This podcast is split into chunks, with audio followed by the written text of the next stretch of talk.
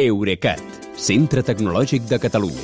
Innovant amb les empreses. Innovant amb tu. Albert Cuesta, bona nit. Bona nit, Kilian.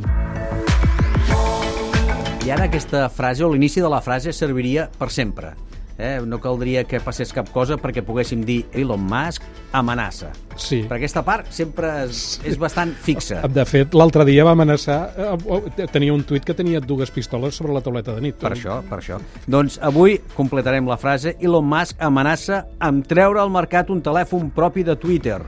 I la pregunta és, per què?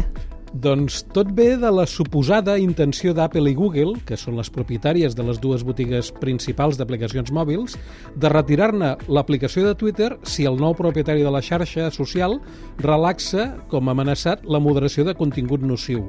I dic suposada perquè en realitat no hi ha res concret, però en Musk va dir en un dels seus famosos tuits que si arribés a passar no descartava fer-se fabricar un mòbil de marca Twitter amb l'aplicació preinstal·lada perquè els usuaris poguessin accedir a la xarxa sense cap entrebanc. Uh, aviam, jo, a, a més de posar-se la vena abans de la ferida, trobo que en Musk uh, no sap gaire de què parla perquè encara que no hi hagués cap aplicació de Twitter, la xarxa sempre es pot fer servir directament amb el navegador web. De fet, és exactament el que faig jo amb Twitter, Ja. que instal·lo als meus mòbils tan poques aplicacions com puc. I també és el que han de fer els compradors de mòbils Huawei recents, que no tenen accés a la botiga d'aplicacions de Google. De tota manera, eh, també et dic que un telèfon mòbil que no faci servir Android ni iOS eh, tindria molt poc futur i la història ens ho ha vingut demostrant repetidament. A mi em sembla que la suposada amenaça de mòbil Twitter té més a veure amb un desafiament de Musk al cobrament de comissions per part d'Apple i de Google.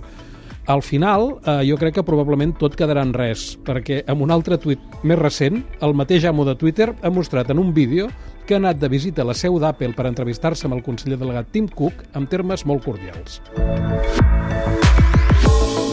Per tant, pot quedar en una d'aquelles amenaces que queden, que queden a l'aire. Eh? Però explica'm això una mica més. Un mòbil específic de Twitter no tindria futur. Mm, Jo crec que només entre els realment addictes a Twitter, però rendible, eh, com a mòbil no ho seria, perquè tot el que no sigui l'iOS d'Apple o l'Android de Google actualment està condemnat al fracàs. No hi ha lloc per un tercer, eh? No, jo, i no ho dic només per aquella desaparició que els més veterans recordem dels Windows Phones Sí. o la dels BlackBerry, que Sí. s'havien dit Crackberry per lo dictes que hi era la gent. També ho dic per intents anteriors de telèfons específics, com el Fire Phone, que Amazon va treure el 2015 i va haver de descatalogar un any després, i els dos mòbils, no un sinó dos, que Facebook li va fer fabricar a HTC i que ara ningú no recorda. Sí, només aquí, probablement nosaltres... Eh, Jo en i- tinc una a casa. Veus? Per això Al el museu. Al teu museu, cert. Escolta'm, i aquest conflicte comercial entre Twitter i Apple acabarà al museu o què passarà? Aviam, aquest conflicte té dues parts. Per una banda, en Musk ha arribat a piular que Apple li té jurada perquè ha retirat la seva publicitat de Twitter després d'haver sigut el principal anunciant de, la plataforma al primer trimestre de l'any. Però vés a saber per què ho diu això, perquè en realitat les xifres a mi m'indiquen tot el contrari. Apple es va gastar al novembre més d'un milió de dòlars amb anuncis a Twitter i això és encara més del que s'havia gastat a l'octubre. Però és que l'altre aspecte del conflicte, aquest potser sí que és més estructural.